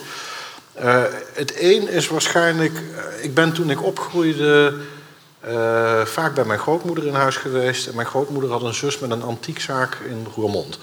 En er was weinig opslagruimte boven, dus het gros van haar antiek stond op de logeerkamer van mijn grootmoeder. Maar u moet zich voorstellen dat dat eh, voornamelijk om 19e eeuws kinderspeelgoed ging. En allemaal ongerestaureerd. Dus het was, laten we zeggen, werkelijk het prototype voor de, het decor van een horrorfilm. Waar ik als kind tussen moest slapen dan. Eh, ik kan me nog een, eh, een orang-oetang herinneren met een eh, met leer afgemaakt gezicht. Waarbij het leer voor een deel verteerd was en er zaten echte roofdiertanden in dat beest verwerkt. En eh, een porseleinen pop waarvan de kop half kapot was. En, dus als kind associeer je dit gewoon met nou, levende dingen, maar ze hebben dus iets heel erg macaber en griezeligs. Mijn grootmoeder had natuurlijk ook een nogal macaber gevoel voor humor, anders dan had ze me dit niet aangedaan. Maar, eh, en, en er is een ander ding, en dat was dat mijn, de buren van mijn ouders hadden een antiekzaak en daar stond veel Indonesisch antiek. Eh, onder andere wayang-poppen. En ehm, op de een of andere manier had ik een relatie met die objecten alsof ze dus ook een bepaalde geest hadden. En, en dat alsof, dat wil ik voor vanavond maar eens een keer tussen haakjes zetten. Want ehm, ja, het, het- het- er zit werkelijk een soort van levend iets in de dingen. En Misschien is ding daarmee ook het verkeerde woord. De reden waarom ik nou specifiek Svankmajer heb gekozen... is omdat hij de macabere gewoonte heeft om zijn stop-motion films vaak te doen... met eh, opgezette dieren of dierenskeletten. En ik wil alleen maar een kort fragment daarvan tonen... zodat Ja. eh, ja, dat gevoel een beetje opgeroepen Ja. kan worden. Even kijken. Ik zou zeggen een minuut of anderhalf of zo. Maar Om een idee te krijgen. Daar gaan we.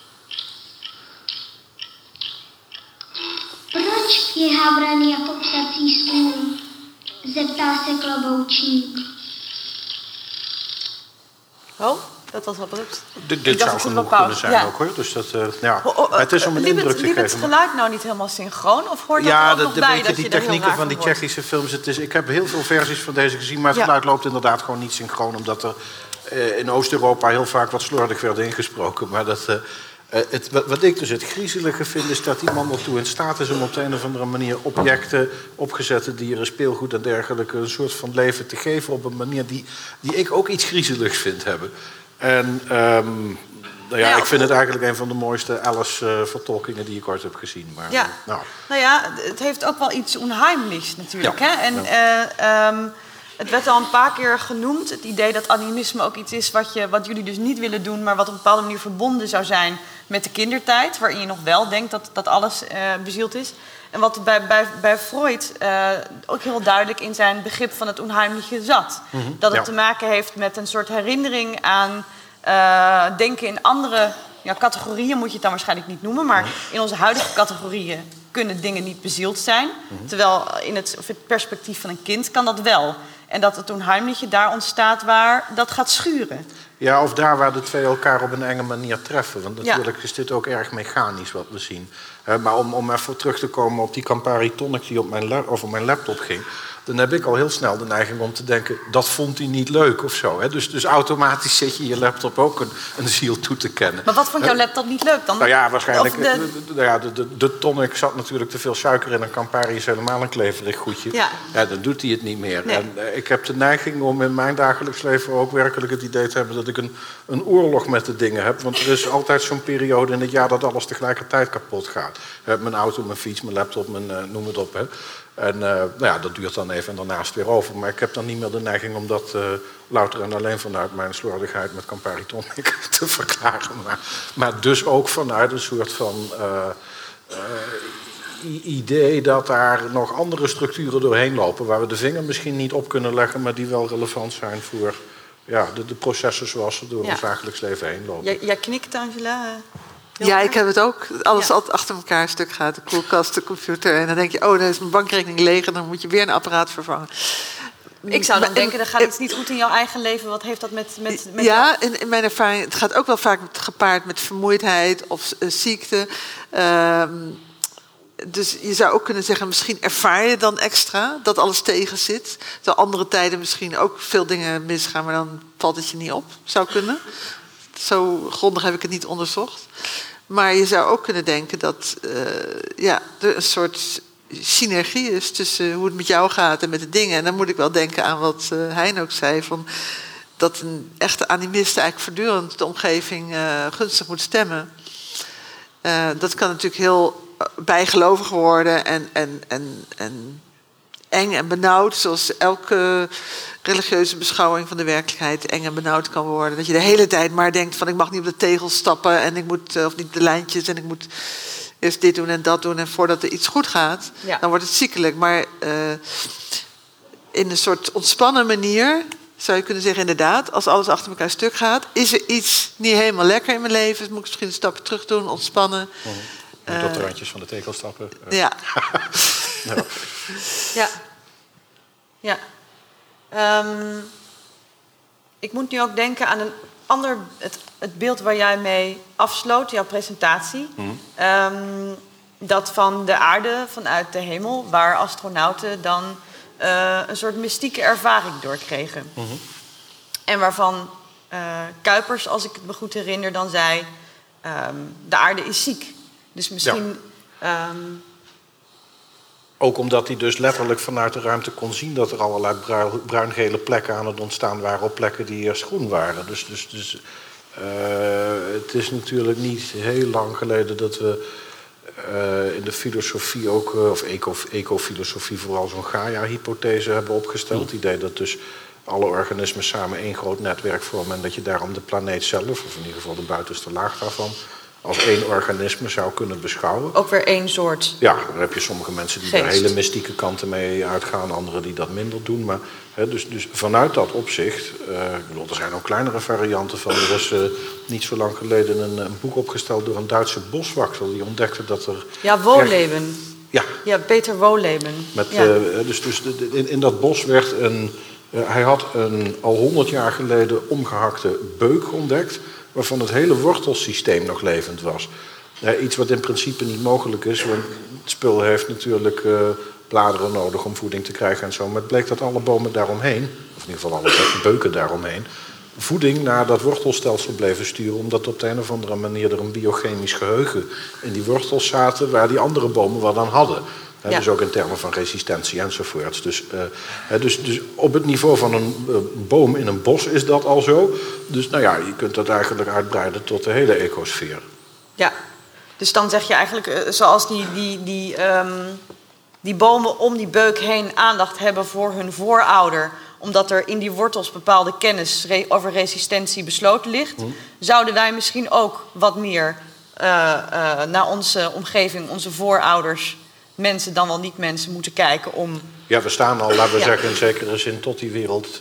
Daar staan we al mee in verband natuurlijk. We vormen al een deel van dat netwerk. Maar we doen dat de laatste 150 jaar op een manier die nou niet helemaal positief uitpakt voor de gezondheid van dat systeem. Maar komt dat misschien ook omdat we dus te weinig animistisch denken misschien? Omdat we niet bezig zijn met denken vanuit, dat afgesteld zijn op andere dingen, stemming, het idee van voorouderschap, het idee van bezieling. Zou dat... Ik kijk ook even naar jullie. Nou ja, ik moet toch nog weer even aan die berg denken van die familie in Duitsland. Dat, hoe mijn tante dat aan mij vertelde, hoe dat gebeurd was. Dat ze het echt vertelde als... dit deel van de familie heeft alle overgeleverde waarden verloren. Ja. Ja, ja, ja. Zij weten niet meer hoe het moet. En hoe het moet, dat wisten we altijd. Daar dachten we niet over na. We dachten niet, we zijn animistisch of we zijn katholiek of we zijn wat dan ook. Maar je wist gewoon, die berg is in bezit van de familie en daar moet je voor zorgen. En die is niet alleen maar in bezit van de familie. De familie is ook bezeten als het ware door de berg, want de berg is van iedereen. En de familie moet daarmee dienstbaar zijn aan het geheel om de berg goed in stand te En houden. daarvan verantwoordelijkheid voor dragen. Dus de verantwoordelijkheid waar jij het ook over had in je lezing. De verantwoordelijkheid die voor Derrida met name ook zo belangrijk is. Ja, precies. Dus eh, ik vind het een heel mooi verhaal over die, die, die bomen ook. Jij vertelt het eigenlijk alweer een beetje op een reductionistische manier. Van de, de andere bomen hadden er wat aan. Ja, ja, het is weer precies. Dus het is weer een ruilhandel dan. overlevings, Werkelijkheid is eh, niet kapitalistisch. dus- idee. ja, Maar niet in het bos dan. je zou het iets, iets eh, subtieler mogen zeggen als de relaties zelf die de uitwisseling mogelijk maken. Die relaties zelf zijn ook al waardevol om Ja, in stand ja. te houden. Ja. Eh, of je nou weet of je er iets aan hebt of niet. En zo is het met die berg ook. De- eigenlijk weet je ook niet precies wat die berg oplevert. Maar eh, het feit dat je die relatie moet onderhouden... Dat, is, dat zijn de waarden die overgeleverd zijn in die familie... en die op een gegeven moment ineens verdwijnen. En Ja. dat is inderdaad met een soort ja, idee van consumptie... en van dingen hebben en... eh, wat ineens ons in de greep heeft gekregen. Dat is een andere kwade geest misschien, maar die eh, is niet meer goed in toom te houden. Ja. Ja, waar zou die... Nou ja, dat is misschien voor een andere keer. Waar komt die geest dan vandaan? Ja, een andere keer. Ja.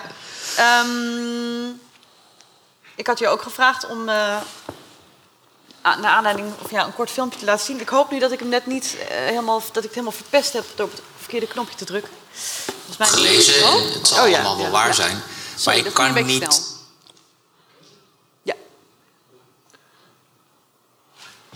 Het is uit zomergasten, hè? we kijken naar zomergasten. Frans, eh, nee, eh, Dick Swaap is de gast. Jelle Brand Korstjes interviewt eh, Dick Swaap, Ja, de hersenonderzoeker. gelezen en het zal allemaal wel waar zijn. Maar ik kan niet leven met de informatie dat ik geen vrije wil heb. Dus heb ik hem. Ik bedoel, eh, heb, Ja, ben je niet jaloers op, dit, op Dat- mensen die dat daarvan heb ik ook gezegd, dat is een heel plezierige illusie. Dat, eh, dat Ja. doet iedereen goed. En dat idee heb ik natuurlijk ook, dat ik iets doe uit vrije wil. Maar dat is onzin. Dat idee heb je wel in ieder geval. Ja, die illusie heb ik ook. Ik heb zoveel illusies. Want zonder die illusie kan je ook niet leven, neem ik aan. Jawel, jawel. Ja? Ja. Ik vind Maar- het een deprimerende gedachte. Ik vind het, ja. Ja, het is, het is een fijn idee dat je eh, alles eh, zelf beslist. Ja. Maar wanneer je kijkt of dat zo is, dan blijkt dat niet zo te zijn. Goed. Nou, ik doe alsof ik het niet heb gehoord. Eh, Dat was het. Dat was het. Ja, dat is heel kort. Maar ik vond het wel vooral interessant te zien wat de reactie van de cel was. Ja. Mensen begonnen te lachen, terwijl deze man zo serieus het standpunt van de wetenschap vertegenwoordigt. Ja, want wa- wa- wa- waarom denk je, wa- waarom moeten we hier zo om lachen dan? Ja, dat weet ik dus eigenlijk niet precies waarom dat ineens gebeurt. Ja, misschien omdat hij het zo, Zo radicaal erin. zo serieus dat zegt van ik kan best leven zonder die illusie. En eigenlijk gaan we allemaal misschien mee met Jelle Brand Korstjes. Die heeft gezegd met zijn vriendelijke ogen... Hè, ik kan niet leven zonder gedachte van vrije wil. Ik vind het best een probleem hoor. Dat Dick Swaap geen vrije wil heeft. Ja, Hij is, hij is gedetermineerd om in het determinisme te geloven. Ja. Dat is dan een probleem. Ik heb wel met hem te doen. ja nou, ik, ik weet niet precies waarom er gelachen werd... maar het kost misschien te veel tijd om het eh, te gaan vragen. Maar... de twinkellichtjes in zijn ogen waarmee hij dus wist wat hij aan het doen was met brandkorstjes. Ja, ja. En, niet, en niet beantwoorden aan de conventie van dan heel zorgzaam of toch maar mee of... Nee, het is niet zo. Ja, ja, ja. De eigenwijzigheid van die man. De eigenwijzigheid. Dus, dat is het, dus er zit inderdaad een, dus, dus de genieting van het wegnemen van vrije wil bij mensen. Daar, eh, zijn gezicht, ik kan niet zeggen het was zo, maar wat ik meende te zien aan zijn gezicht en die pretoogjes, dacht ik van, nou, die vindt het een heel leuk Robertje Matten. Ja, ja, ja, ja, maar, maar waarom... Maar hij was onaanraakbaar, dat was het. Ja, ja, ja. ja. Maar doet het ertoe? Of, eh, eh, ik, ik vraag me toch af... ehm, dit wordt een soort welles nietes dan. Het werkt ook niet. Er ontstaat een padstelling. Eh, Dick Swaap zegt het bestaat gewoon niet. En jij hebt die illusie wel. Nou, dat is prima. Gefeliciteerd met je illusie, maar het bestaat gewoon niet. En Jelle Brand Korsius die zegt... ja, je kan wel zeggen dat het niet zo is... maar ik heb die illusie en die is waardevol voor mij... dus ik hou die vast. Maar Ja, uiteindelijk doet voor- het ertoe wie er Ja, voor gelijk mij, heeft. voor, nou ja, dus niet zoveel toe wie er gelijk heeft, maar eh, ik denk dat het een vorm van niet begrijpen is als je zegt, dit is alleen maar een illusie. Ik heb die discussie al veel gevoerd toen ik net ging studeren. Het was ook een hele, zou zeggen, een soort atheïstische sfeer hing er onder studenten. En ik kwam met bepaalde ideeën en ik kreeg ook te horen, oh, maar dit is maar een illusie. Zo van, eh, je mag blij zijn als je dat hebt hoor, daar kun je misschien gelukkig mee worden, maar het is allemaal onzin wat je denkt. En eh, dat werd van allerlei dingen gezegd. Hè? God was een illusie, maar liefde was ook een illusie. Eh, idealen waren allemaal illusies. Het was een enorme ja, tijd waarin men echt alles onzin vond. En ehm, ik had toen al het idee van, ja, dit, dit, dit, dit, gaat nergens heen. Waar, waar, waar, zijn, waar denken die mensen aan? En toen ben ik me op het woord illusie gaan richten en gedacht, wat is een illusie eigenlijk? Het heeft met het woord lux te maken. Ja, we zitten hier ook in, in het licht, in het lux. En eh, het idee is eigenlijk dat een illusie is een verbeelding. Het is niet een drogreden of een eh, ver- verwarring of dat je niet goed kan denken of zo. Nee, het is een verbeelding van het goede wat je je kunt voorstellen. En zonder die verbeelding van het goede, in dit geval de verbeelding van de vrije wil, kan je eigenlijk nergens naartoe gaan. En dan ga ik toch weer even naar Swedenborg. Dat idee dat je aangetrokken wordt met je vermogen tot liefde door dingen die je mooi en goed vindt. En die, die zetten de wereld in beweging. Dus die eh, boswachter ook, die dit- tot die ontdekking kwam, over die bomen, die heeft ook heel veel invloed gehad met, bij zijn lezers. Dat mensen anders naar bos gaan kijken, misschien met meer respect met ze omgaan. Ja. En eh, je kunt niet ontkennen dat ideeën, verbeeldingen, en het kunnen ook kwaadaardige verbeeldingen zijn, maar waar we van houden of wat we haten, dat zet de wereld in beweging. Wij maken de wereld ook zoals die is. Dus Ja. daarom zeggen dat iets maar een illusie is, dat is het ontkennen van de enorme invloed die wij als menselijke soort op onze omgeving hebben. Ja. ja. Een vorm Wel- van wel- wel- onverantwoordelijkheid. Ja. inderdaad opmerkelijk dat eh, juist op het moment dat we die verantwoordelijkheid niet zien en niet voelen, we hem zo enorm hebben. Ja. En de planeet daar ziek van wordt. Zoals Kuipers dat zou zeggen. Ja. ja. Eh, dan gaan we nog tot slot een, eh, Geen filmpje deze keer, maar nou, een Dat is plaatje. een stilstaande film. Hè? Ja, een stilstaande film. Oh. Deze wil ik niet. Deze wil ik. ja. Ja, waar kijken wij naar? Ik denk dat je het niet goed kan zien, ook al is hij heel erg vergroot. Dit is een eh, eh, figuur die is een luid aan het stemmen. Hè. Het is voor de jongeren onder ons, dat is een eh, ou- ouderwetse gitaar. En hij draait aan die knopjes. Dat is al handig dat die erop zitten, dan kan je hem stemmen. Daar ligt er één op de tafel. En eh, het verhaal is wel dat diegene die, op de, die luid die op de tafel ligt, is al gestemd. En eh, je kunt het misschien nog zien dat er op die luid die op de tafel ligt een veertje ligt. En eh, deze meneer die draait aan die luid. En op het moment dat hij... Dit is als het ware een stripverhaal, maar er is maar één plaatje van een stripverhaal. Maar de mensen die dit zien in de 17e eeuw, die weten het meteen. Die hebben allemaal een luid in huis. Eh, op het moment dat die, eh, die luid goed gestemd heeft... eh, ga- dan gaat die, dat veertje op die andere luid trillen. En dat komt, dat weten wij natuurlijk nu, door de resonantie. En destijds gebruikten ze dat woord resonantie daar niet voor, maar dat noemden ze sympathie. En dat betekende niet dat dit die zo sympathiek was, die meneer of iets dergelijks, maar dat was het, eh, het, de, de, saam, de, de saamhorigheid, het medevoelen tussen verschillende dingen op afstand, zou ik kunnen zeggen. Dus op het moment dat die ene luid goed gestemd is, dan hoor je als het ware het gegons uit die andere luid eh, opkomen. Want dit is een plaatje van eh, de beroemdste Nederlandse dichter. Eh, de- die we allemaal op de middelbare school niet meer hebben gelezen. Eh, dat is Jacob Katz.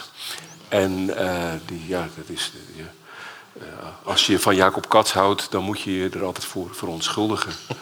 En ik zelf hou niet van Jacob Katz, dus ik hoef me daar niet van voor te verontschuldigen. Maar ik vond het wel een prachtig plaatje.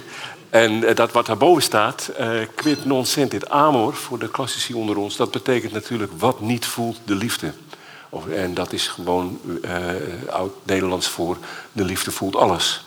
En eh, dit, eh, dit plaatje is dus ook een illustratie van een liefdesgedicht van Jacob Katz, waarin hij tegen zijn geliefde Rosemond zegt dat zijn geliefde hem raakt zonder te raken. Dus daar kun je uit opmaken dat ze een soort van ja, resonantie tussen verschillende personen hebben, die, eh, ja, die ervaren wordt als een soort invloed op afstand. En eh, die natuurlijk uiteindelijk ook berust op een, eh, laat ik zeggen, dus aanhalingstekens, gewoon fysisch verschijnsel. Maar wat wel iets heel herkenbaars is. En ja, de achterliggende gedachte is dus dat er, dat in de werkelijkheid tussen de dingen die er optreden, resonanties of sympathische relaties en dergelijke bestaan. En dat vond ik een gedachte die heel erg aansluit bij animisme. Ja. Ja. En waarbij je dus ook niet zomaar kan zeggen dat dat fysisch is of psychisch of iets dergelijks. Want dat gaat in feite gewoon, we- we zouden kunnen zeggen, oh, het is gewoon een natuurkundig verschijnsel. Maar eh, je beleeft dat op een, eh, eh, als een proces van contact of communicatie. ja. En dan trillen we een beetje mee. Ja, we zeggen dat in het dagelijks leven. Hè. We zitten, mensen zitten op dezelfde golflengte de hele tijd. Ja, dus dan ga ik gauw weer naar een andere golflengte, anders wordt het een beetje druk. Maar de mensen praten op die manier. Ja. dus dat, eh, en eh, ja, we kunnen ons daar allemaal wel iets bij voorstellen. Ja. En we, we- Maar dus je zou Ja. dan ook zeggen, misschien met Angela, de manier waarop we over de dingen praten, doet er ook toe. Eh, dus die illusies, die zijn, die zijn, dat zijn, dat zijn geen illusies, dat, zijn, dat doet er toe. Dat- De manier waarop we over de dingen praten, doet er heel erg veel toe. Ja. Je kunt, eh, nou ja, iedereen weet dat je bepaalde dingen kan doodpraten. Hè, maar je kan ook bijvoorbeeld, eh, de, als het gaat om ecologie, dan kan je de noodzaak om eh, eh, het ecosysteem aarde te bewaren, kan je in zulke abstracte termen eh, duiden dat, dat niemand zich daarbij betrokken voelt. Ja. Dus de, de manier, eh, eh, of dat je het zo alarmerend eh, brengt dat de mensen denken van nou, dit is, dit, eh, dit, dit, dit is een vreselijk scenario, ik distancieer me ervan. Ja, dus de manier waarop we dingen brengen is essentieel. Ja. En eh, kan je, je kan de vraag stellen, is, is de manier waarop we dingen brengen totaal gescheiden van hoe de dingen zijn? Nou, daar, dan zitten we hier over een paar uur nog, maar Ja. hè, het is wel heel erg essentieel. Ja. Ja. Ja. Ja, om een voorbeeld te nemen uit synthetische biologie, eh, waar ik dan de laatste jaren vaker mee bezig ben. Eh, dus ik zit nu in een project en dat heet Safe Chassis. waarbij ze dus het chassis van de auto als een metafoor voor wat die synthetische biologen op microniveau doen nemen. Eh, überhaupt het woord biotechnologie. dus, dus een term die eigenlijk eh, ja, meer verwant is aan wat wij het discours van werktuigbouwkunde vinden. En dat dan toepassen op levende systemen in de biologie. Het maakt gewoon dat er op een hele specifieke manier ineens over het leven nagedacht wordt. Ja. En heel veel aspecten daarvan dus ook ineens opzij geschoven Ja, worden. natuurlijk. ja. Nou. Ja, is heel belangrijk. Maar vooral het aspect van, eh, laten we zeggen, dat het dus gaat om processen door de tijd heen. Niet, Ja. om, eh, Ja. niet, niet om, laten we zeggen, een ding dat je gewoon als een wekker uit elkaar kunt halen en dan de stukjes naast elkaar zetten. Maar je zou dus ook pleiten, Laurens, dan voor bijvoorbeeld een andere benaming voor wat we nu biotechnologie noemen? Ja, dat kan niet meer. Je kunt de taal nauwelijks actief gaan zitten veranderen. En dan kom je ook in een soort van eh, correctheids- of corrigeerdenken terecht... waar je het vechten tegen de bierkaai natuurlijk. Maar je moet je ervan bewust zijn wat er gebeurt als je dit soort terminologie hanteert. En daar dus ook de beperkingen van inzien. Ja, want het heeft natuurlijk wel iets vreemds. Hè? Bio gaat natuurlijk over het leven, het levende. Technologie associëren we in ieder geval juist heel erg met het doden. Ja, met ijzeren tandraderen enzovoort. Het, eh, Ja. Het is ook het succes van die term geweest, dat, eh, dat het dus suggereerde dat wij de, dus de, de, de, de, microbiologische verschijnselen kunnen gaan behandelen zoals een fietsenmaker met, eh, met, met, met je gazelle bezig is. En, en dat, ja, tot op zekere hoogte heeft dat wel her en der wat succes opgeleverd, maar een heleboel eh, nevenaspecten hiervan worden dus buiten beschouwing gelaten. Dat, eh, nou, Ja. of steeds meer in ieder geval. Ehm, ik wil jullie allemaal hartelijk danken dat u hier was. Uiteraard ehm, ook de sprekers en, ehm, eh, van vanavond. Laurens Landeweert, Angela Roodhaan, Hein van Longen.